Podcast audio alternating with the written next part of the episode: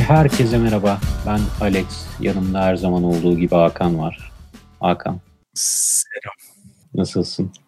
Gayet iyi. 175. Ee, bölümde burada olmanın gurur ve heyecanını yaşıyorum. Sen nasılsın? Ben de 175 anlamlı. 25'lere de bir anlam yükleyebiliriz diye düşünüyorum. Haksız mıyım?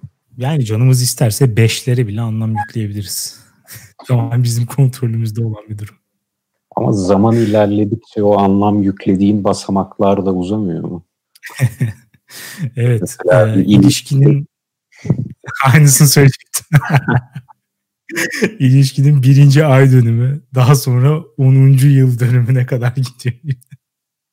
evet. Biz belki 25'leri kutlamak için biraz kartlaşmış olabiliriz ama.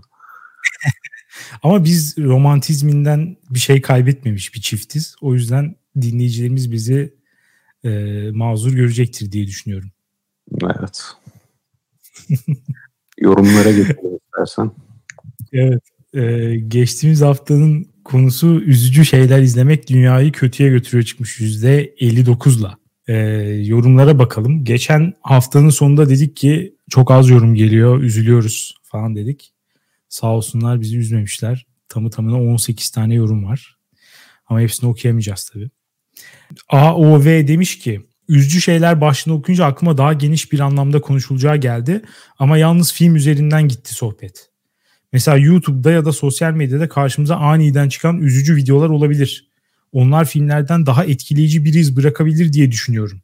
Çünkü filmi izlerken genel anlamda diyelim ki drama olduğunu biliriz. Ona göre beynimiz hazır olur biraz olsun. Ama aniden bir dakikalık bir videoda bile hazırlıksız yakalandığımız için üzülebiliriz demiş kamu spotu videolarından mı bahsediyor acaba? Bu... Hangisi üzüyor seni? Kamu spotu videoları? Çok dramatik değil mi Alex? Kim yapıyorsa eline sağlık. Yani hedefe odaklı, yani hedeflerine bence çok iyi ulaşıyorlar. Radyoda falan çıktığında ben geçiyorum direkt. Sigarayı ya, acilen bırakman lazım. Videosunda. evet bir de şey vardı, e, bilmiyorum izledin mi? Yaşlı insanlar Mesela torunları çağırıyor hadi oynayalım. Kalkamıyor yerinden. Çok dramatik. Gerçekten damardan giriyorlar. Onu bilmiyordum ya açıkçası. Ee, ama kamu spotları bazen şey olabiliyor. Gerçekten üzücü olabiliyor. Ee, onun dışında şeylerden de bahsediyor olabilir diye düşünüyorum. Bu TikTok'ta falan garip videolar var ya. İşte iki arkadaş yürüyor ama meğersem sonra başka bir arkadaşlarıyla karşılaşıyorlar ve kız saklayarak o öbür çocuğun elini tutuyor falan. Sonra aslında o da onu başka bir şeyden koruyormuş ama sevgilisi yanlış anlıyor ve ondan ayrılıyor. Ama aslında öyle de değilmiş falan.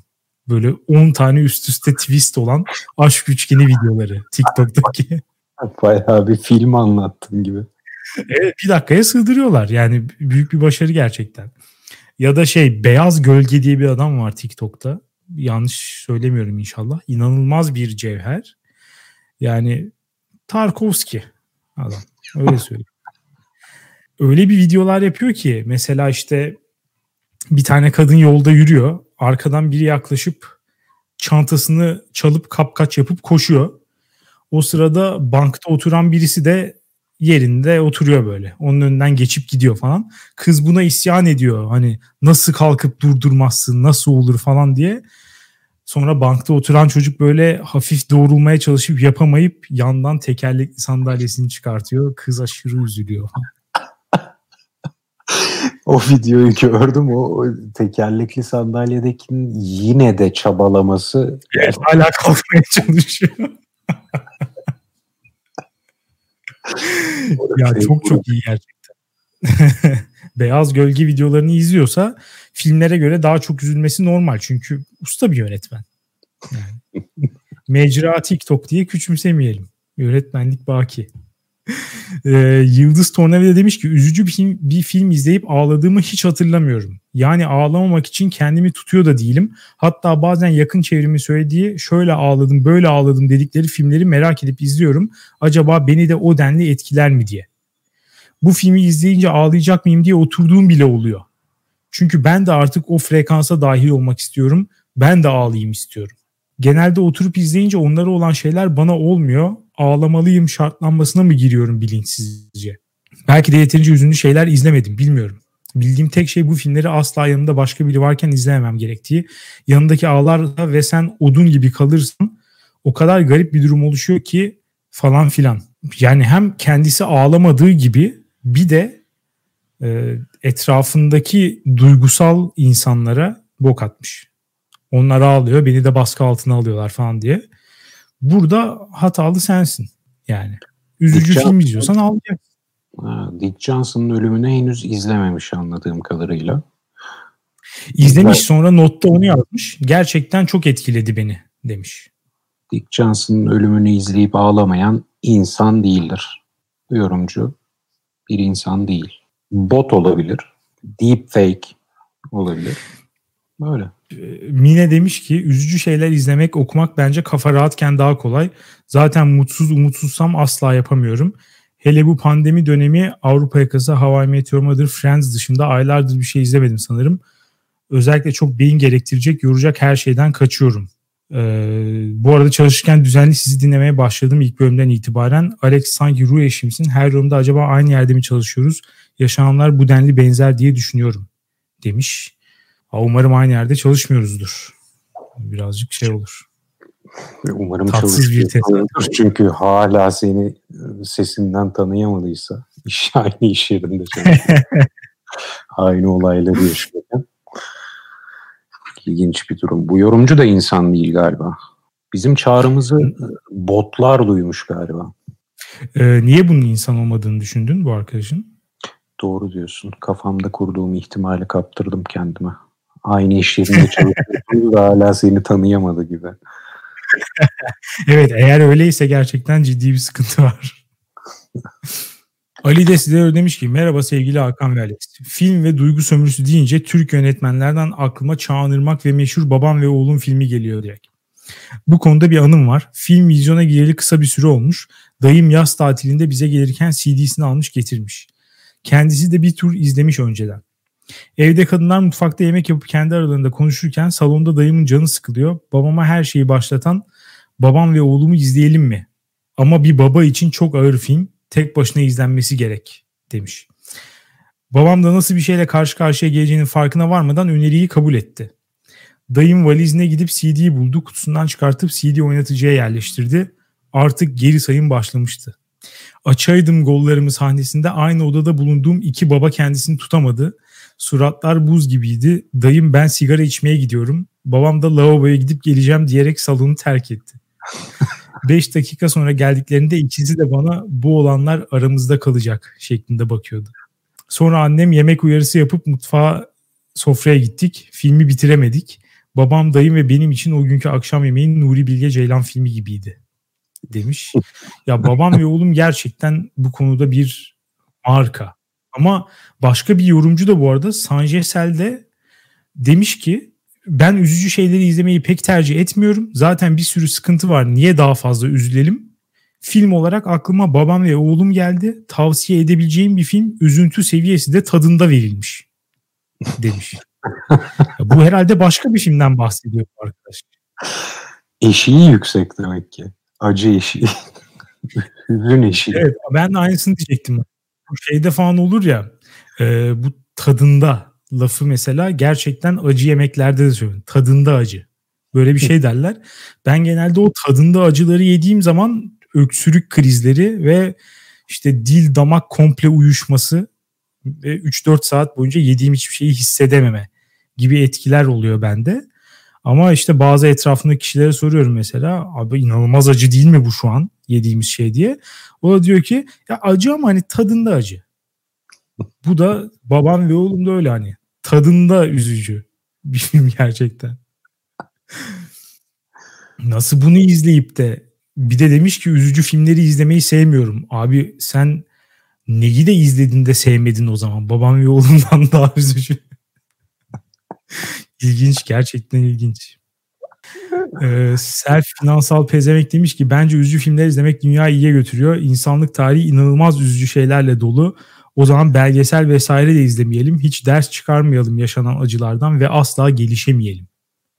üzücü şeyler izlemek yaşadığını hissettiriyor. Çünkü yaşadığımız dünyada sürekli üzücü şeyler oluyor. Biz tanık olsak da olmasak da. Bize üzücü gelen bir şey başkasına mutluluk verebilecek bir şey de olabilir bu arada. İzleyici olarak kiminle empati kurduğunuza bağlı ve insan evrimsel olarak hayatta kalma başarısını kendisine daha çok benzeyene empati kurarak düşmanını ayırt etmiş şimdiye kadar. Yani birileri mutlu olurken birileri hep acı çekiyor aslında falan filan demiş. Ee, ya burada bence bundan ziyade şu var e, üzücü filmlerde. Çok ekstrem örnekler haricinde hiçbir film sadece üzücü değil. Geçtiğimiz bölüm onu söylemeyi unuttum. Yani başka öğeleri de oluyor filmin. Eğer şey izlemiyorsan biz küçükken bir tane dizi vardı hatırlıyor musun? Üvey Baba diye bir film vardı. Şey dizi vardı. Hı hı. Böyle bir tane işte besleme bir kız vardı işte Lamia mı ne öyle bir şey. Üvey babası da hayatımıza sokan dizi diyebiliriz. Evet, evet. Üvey babası da sürekli ona kötülük yapardı ama mesela hep böyle kurmacalarda hep şöyle bir şey olur ya. Ya bir karakter ne kadar kötü olursa olsun bir miktar bir iyi yönü de vardır ve yaptığı kötülükleri yapmasının bir sebebi vardır. Aslında o da başka travmalara maruz kalmıştır. O da kötü durumdadır vesaire. Mesela şeyde bu yoktu. Ee, üvey babada bu yoktu. Tamamen irrasyonel şekilde ve kötü bir insan olmak için kötülük yapıyordu. Oradaki üvey baba. Küçük kızın ağzına sıçıyordu yani. Hiçbir şey yok. Yani simsiyah bir karakter. Hiç böyle bir gıdım bile esneme yok. Sadece kötülük.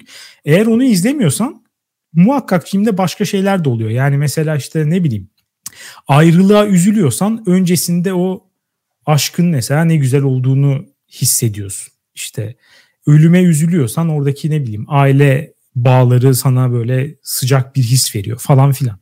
Bu evet. açıdan bakarsak bence mantıklı. Ha.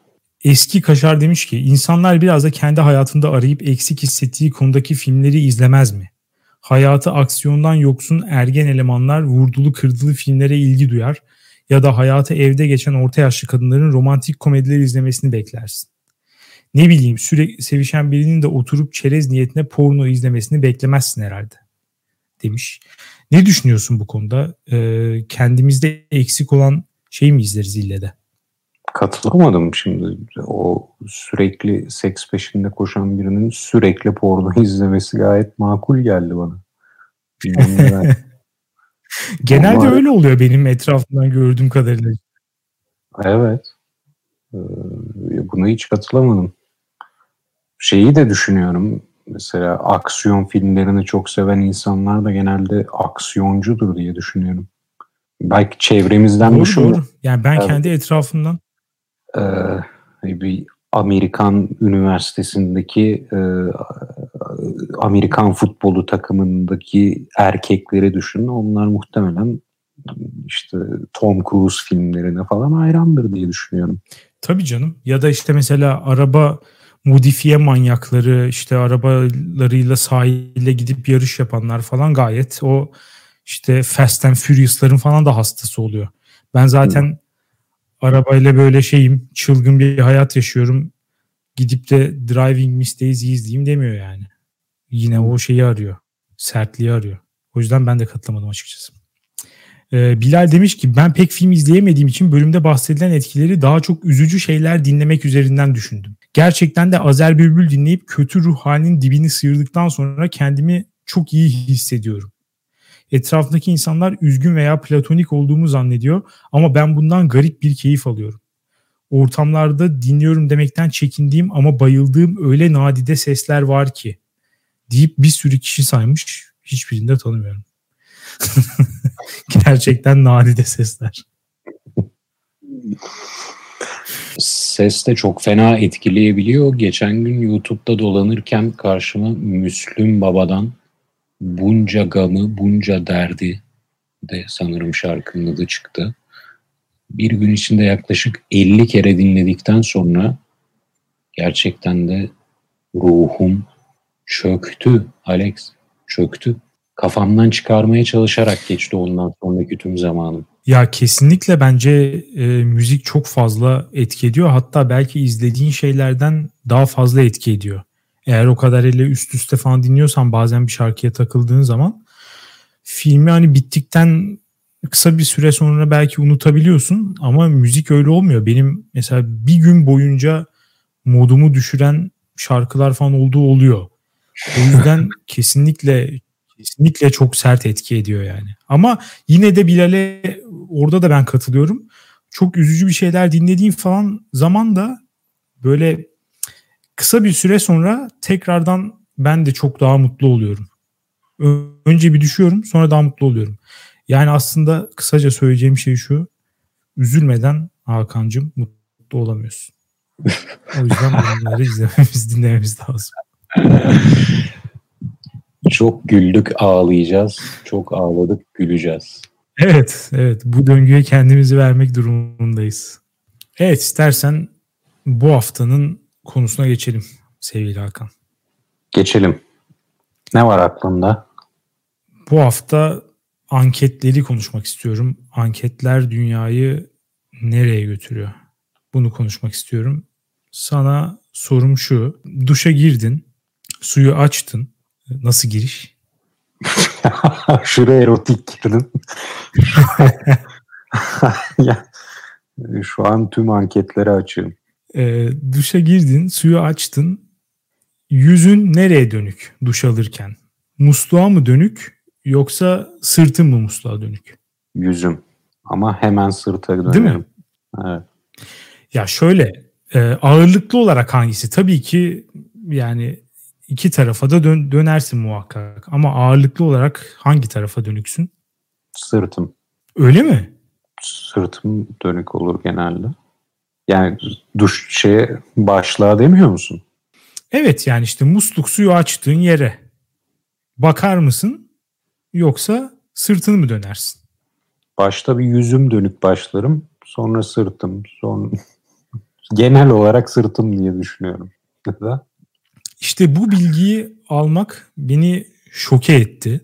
Ee, bir yaklaşık 2-3 gün önce gayet işte Twitter'da dolaşırken falan bu bilgiyle karşılaştım ve şoka girdim. Bana bunu gelip birisi sorsa dese ki insanlar sence duşa girdiklerinde su akarken ağırlıklı olarak yüzleri musluğa mı dönük yoksa sırtları mı musluğa dönük diye sorsalar ben derim ki insanların %95'i yüzü dönük %5'i de sırtı dönüktür derdim. Ben hayatımı bu şekilde geçirdim. 30 yıllık hayatımı. Ama gördüğüm anket bana şunu söylüyordu. %44'ün ağırlıklı olarak yüzü musluğa dönük. %43'ün arkası dönük. Biliyorum aklına gelen ilk soru geri kalanlar ne yapıyor?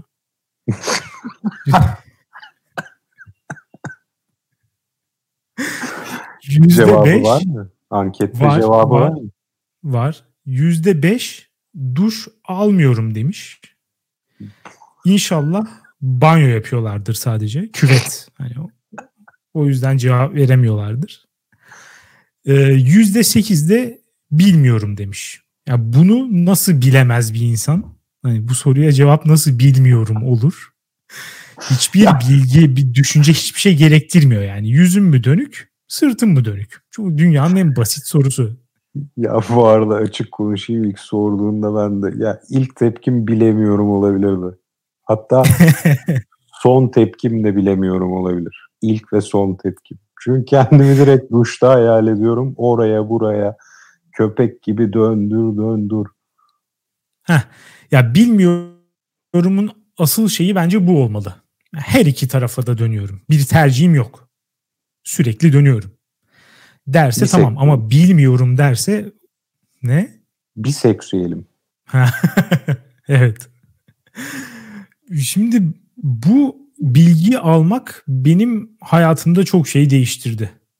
Ve hemen hızlıca mesela e, kız arkadaşıma da sordum. O da mesela musluğa ben sırtımı dönerim dedi. Ve bir şok daha. ben kimle yaşıyormuşum. aynen öyle. Tanıdığımı sandığım insan, en yakın olduğumu düşündüğüm insan meğersem bambaşka biriymiş. Nereden bilebilirdim? Nereden bilebilirdim? Yani bu manyakça tercihin bu kadar yaygın olduğundan haberim olmadan bu yaşıma geldim ve çok naif bir şekilde, masum bir şekilde yaşadım. Ama e, şimdi hayatımın geri kalanını daha bilgili bir insan olarak geçiriyorum. Bu arada şöyle bir olay da var aynı ankette. E, yaşlandıkça duşa dönüklük oranı artıyor. Daha duşa dönük bir insan oluyorsun. Gençler gençler daha e, sırtı dönük olma ihtimali daha yüksekmiş.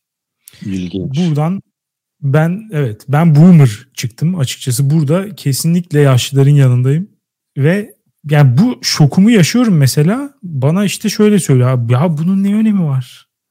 Ne olacak bu ne yani o kadar önemsiz bir şey nasıl buna manyakça tercih dersin falan. Ya kusura bakma da yani ne diyecektim ya? İnsan suya nasıl tersin döner, yüzün dönersin. Tanrı'nın istediği ve emrettiği şekilde duş almamız gerekiyor. Sen de peki yüzün dönük duş alırken bazen kendini e, Ali filmindeki Muhammed Ali'nin hayatını anlatan filmdeki Will Smith gibi hissediyor musun? O filmde ya filmi izlemediğim için referans piç oldu maalesef şu an. Kusura bakma. ama bu referansı anlayacak olanlar vardır. O evet. Muhammed Ali'nin duşta üzerinden su akarken ki karizmasını. Peki ama Ali eğer... sana şunu sorabilir miyim? Lütfen. Anketler seni daha anlayışlı bir insan yapıyor diyebilir miyiz o zaman? Kesinlikle diyebiliriz. Çünkü mesela eğer bu benim düşündüğüm gibi yüzde dörtlük, beşlik marjinal bir tercih olsaydı ben buna çok daha sert gidecektim yani açıkçası. Benim aklımda benim aklımda o vardı yani. Bunu kim yapar ki böyle bir şey falan diyecekken şimdi bakıyorum işte eşit yani. %44, %43 eşit. Demek ki insanların yarısı böyle yarısı. Şimdi bu bilgiyi aldıktan sonra ben diyorum ki hayat bir tercih meselesi. Kimisi duşa yüzün döner, kimisi sırtın döner. Artık bu bilgiyle beraber daha huzura ermiş, daha anlayışlı, daha e, empati yapan bir insan haline geldim. Bu yüzden de iyiye götürüyor diyorum. Şimdi benzer bir deneyim ben birkaç sene önce henüz Facebook'um varken karşıma çıkan hangi Game of Thrones karakterisin anketinde yaşamıştım diyebilirim. Sen yapmış mıydın o anketi? Ya muhakkak yapmışımdır ama unutmuşumdur da. Çünkü Game of Thrones'u sadece iki bölüm falan izlediğim için e, çıkan karaktere anlam veremeyip belki Hı. WhatsApp gruplarından bilen arkadaşlara falan gönderip bakın ben bu çıktım yazmışımdır. Yani o anlık anlık geyik potansiyeliyle sadece. Bana geriye kalan bir şey olmadı yani. Ben, ben ömrüm boyunca hatırlayacağım muhtemelen. Ben Marjorie çıkmıştım. Joffrey'nin o e, küçük yaramaz piç kralın evet onu biliyorum. Karısı, karısı çıkmıştım. Bilmiyorum yani dediğim gibi ömrüm boyunca hatırlayacağım belki bana bad boylardan hoşlandığımı anlatan bir bilgi verdi. Dolayısıyla anketler hem toplumu anlamaya hem de kendimizi anlamaya yarıyor diyebiliriz. Kesinlikle. Fakat bu anlama çabası iyiye mi götürüyor, kötüye mi götürüyor bilemedim. Ya yani şöyle kendimiz ve toplumumuzla ilgili bilgi aldıkça biz e, mutluluğa ve refaha bir adım daha yaklaşıyoruz. Mesela senin yaptığın o ankette de yani metodolojinin çok güçlü olduğuna eminim. Yani, şaşmaz bir şey var orada. Ee, ilmek ilmek örülmüş, çapraz sorgulama teknikleriyle zenginleştirilmiş bir anket var. Sonuç kesin. Yani başka... Sonuç dert. evet. Fakat, seni, tabii, seni sana anlatmış oldu yani. Ya sana şunu soracağım. Şimdi duş anketine katılmışsın mesela. Ama e, her ankete katılır mısın? Yine geçen gün Netflix'te Sex Explained diye bir e, mini belgesel serisini izliyordum da. Hı hı. E, burada bir seks araştırmacısı sonuçlarını paylaşıyor. Sonuçlarla şu an ilgilenmiyorum. Benim ilgilendiğim şey insanların bu ankete gönül rahatlığıyla katılmış olması. Sorulan soru şu. Sapkın bir fanteziniz var mı? Tabii ki anketçi sapkın diye sormuyor çünkü objektif olmak zorunda. Ama yani çok uçuk, ya ortamlarda söyleyemeyeceğiniz bir fanteziniz var mı sorusuna insanlar gönül rahatlığıyla cevap veriyor. Bu mahremiyet algısının çok yüksek olduğu bir dönemde yaşıyoruz değil mi? WhatsApp olayından e, bu kadar vesvele çıktı. Evet. Bu ankete insanlar nasıl katılıyor peki Alex? Sen katılır mıydın? Bir gün sana geldi mesela biri. Ben bir anket yapıyorum, araştırmacıyım. Ee, mesela fantezilerinizi anlatır mısınız bana diyor. Ya cevap vermem. Yüzde sekizlik bilmiyorum diyen ekip var. ya ama o zaman bu anketlerin güvenilirliği nerede kaldı o zaman? Ya bu tip sorularda ciddi sorun var bence de. Çünkü e, cevap vermeyen insanları çıkartınca mesela zaten şey oluyor. Belli bir kitleyi elemiş oluyorsun. Geri kalan kitle içerisinde de bilmiyorum. Ya bu tip sorularda olabilir. Ben bu arada hayatımda sadece bir tane ankete katıldım. O da tam anket bile değildi. E, Kadıköy'de birkaç arkadaşla yürürken bizi birisi çevirdi. İşte bu dediğim üniversite hazırlık falan olabilir yani ya da bir hani o kadar eski. Ee, dedi ki işte çok kısa bir şeyim var, anketimiz var, çalışmamız var, şey yapabilir misiniz? Lütfen katılabilir misiniz falan. Okey dedik bize ayaküstü yapacak diye bizi bir yere götürdü falan. Biz böyle şüphelenmeye başladık. Galiba bizi burada işte soyacaklar kelimenin her iki anlamıyla. Ondan sonra kötü şeyler olacak diye düşünüyoruz yani. Derken böyle meğersem Ülker çikolatalı gofret anketiymiş. İşte geldi onunla ilgili birkaç tane soru sordu. Daha sonra işte kör tadım yaptık. Ülker çikolatalı gofret hangisi daha güzel falan tarzı. Katıldığım tek anket buydu. Ee, öteki ya özel sorulara yanıt vereceğimi zannetmiyorum ben. Ama onun dışında anketlere varım.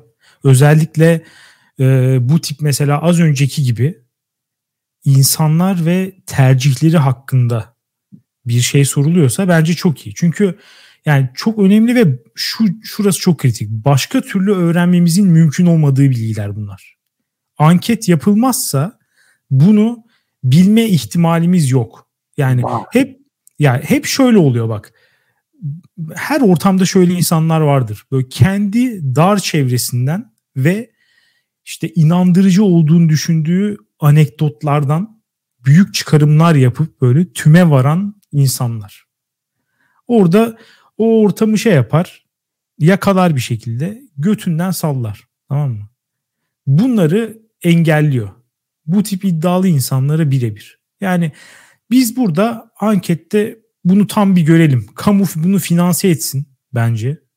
Gerçekten YouGov'a YouGov denen araştırma şirketine Türkiye Cumhuriyeti de parasını versin ya. Türk halkının gerçek tercihlerini bir görelim ya. Neye ne diyor? Bir hakikaten görelim yani. Mesela or yine YouGov'da gördüğüm bir tane anket. Bu duş şeyini görünce inanılmaz merak ettim. Yani dedim ki ben bu tip anketlerle bir gün iki gün geçiririm yani. Bu soruların arasında kaybolurken. Baktım mesela şöyle diyor.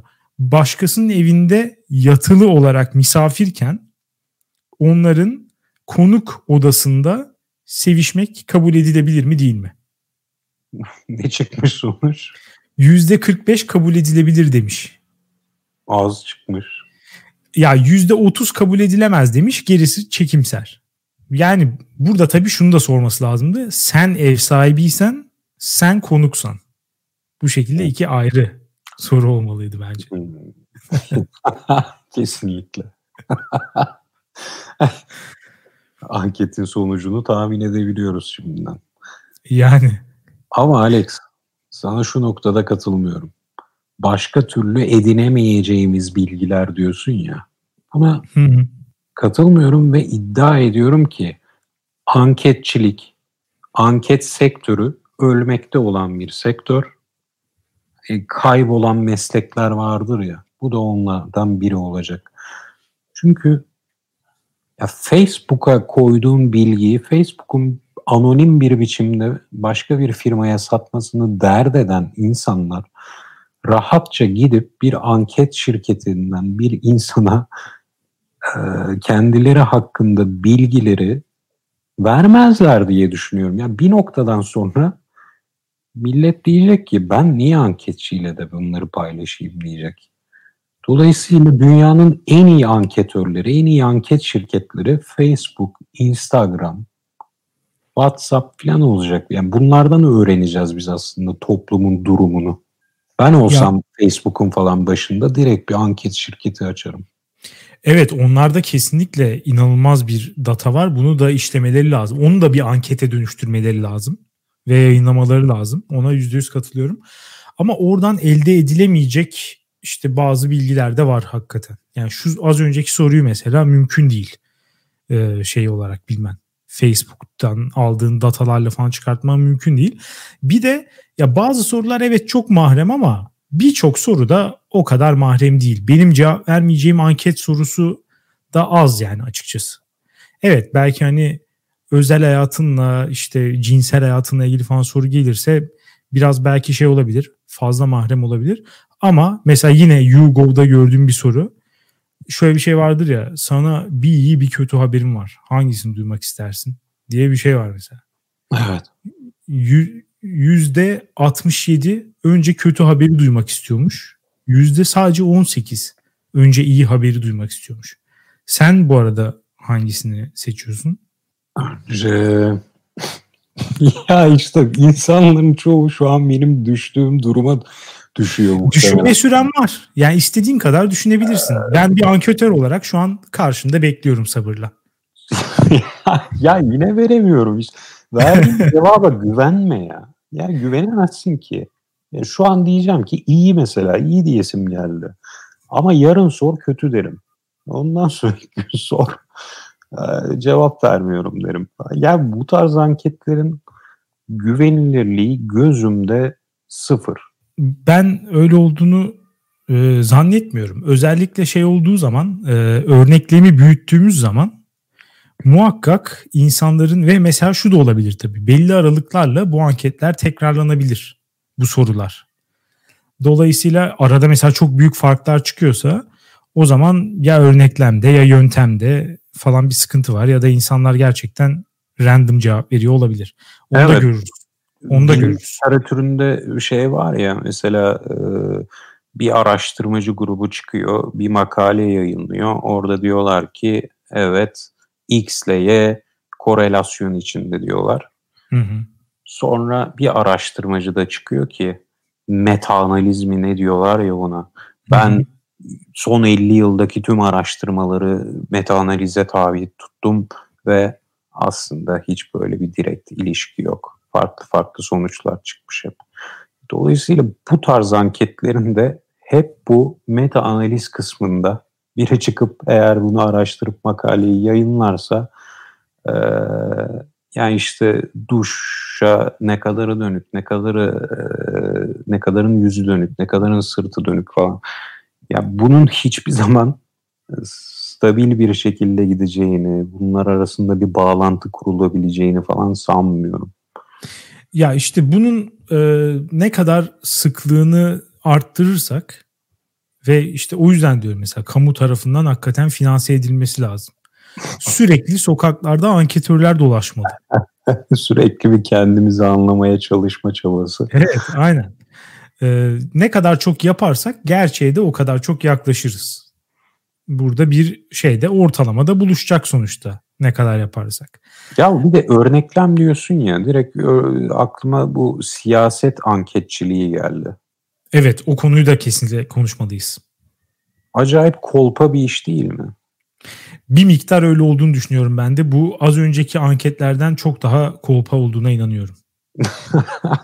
ya bir işte 35 kentte 1500 kişiyle yapılan anketler sonucu oy oranları böyle diyor mesela. Ya o, ka- o kadar örneklemden anlamlı bir sonuç elde etmek mümkün değil mi diyorsun? Bir bunu diyorum. İki de e, eğer metodolojim sorgulanmazsa, açık etmek zorunda kalmazsam siyaset anketçiliğini ben de bayağı başarılı bir biçimde yapabileceğimi düşünüyorum. Şu andan tahmin edeyim sana bir sonraki Cumhurbaşkanlığı seçimini. Türkiye'de ekstra kolay bu arada. Çünkü dengeler dengeler çok az değişiyor gerçekten. Sadece biraz böyle kararsızları bir arttırıyorsun falan ama dağılım hiç değişmiyor neredeyse. Evet hemen veriyorum. %52 Cumhur İttifakı, %48 Millet İttifakı, artı eksi 2 puan error payı. Evet. Kararsızlar dağıtıldığında bu değil mi? Kararsızlar dağıtıldığında çok iyi.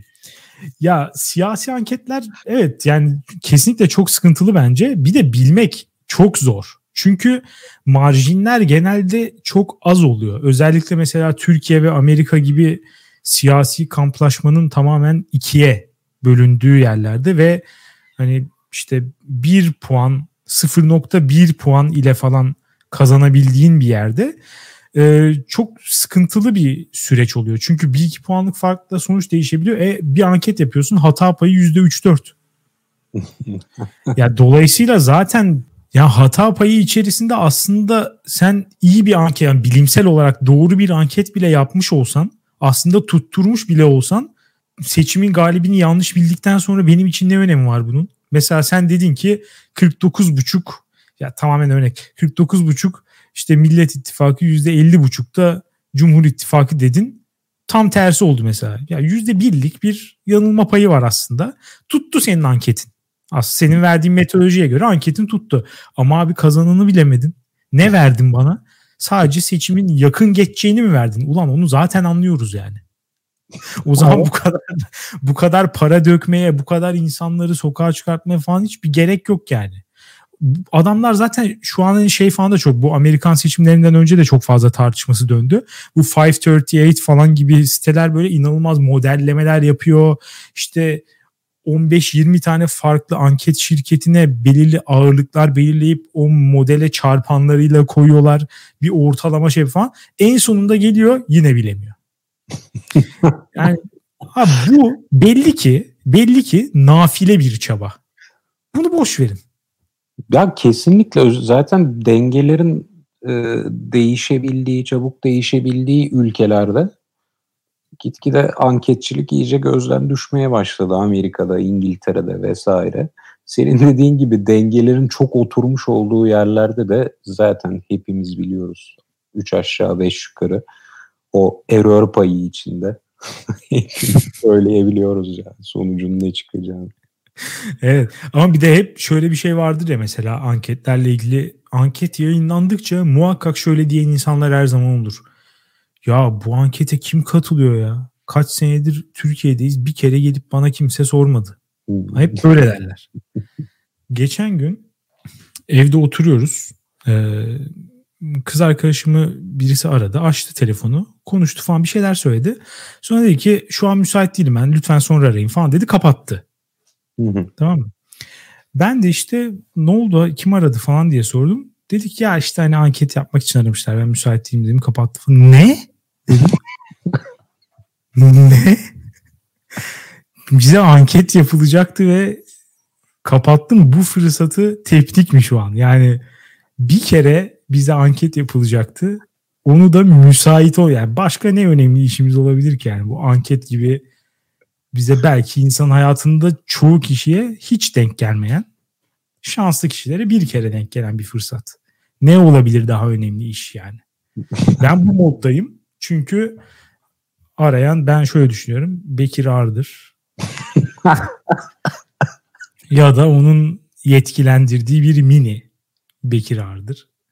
Hani ilk kez hayatımda bir politik tercih. Çünkü şöyle abi seçim oluyor gidip oy veriyorsun. Ulan senle beraber 50 milyon kişi de oy veriyor. Yani senin verdiğin oy çoğu 50 milyonda bir. Ama anket az önce dediğin gibi 1200 kişiyle yapılıyor mesela. 1200 de bir. Yani ilk kez benim oyum bu kadar önemli olacaktı. İlk kez bu kadar oy dikkate alınacaktı. E gerçekten bir orada muhalif şov yaşanacaktı. Ekranlara yansıyacak muhtemelen. evet. Yani alan anketi alınca mesela şoka girecekti böyle şey. Nasıl bir insan nasıl bu kadar muhalif olabilir?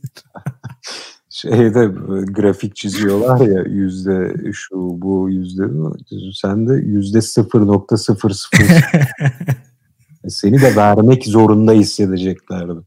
Evet, evet.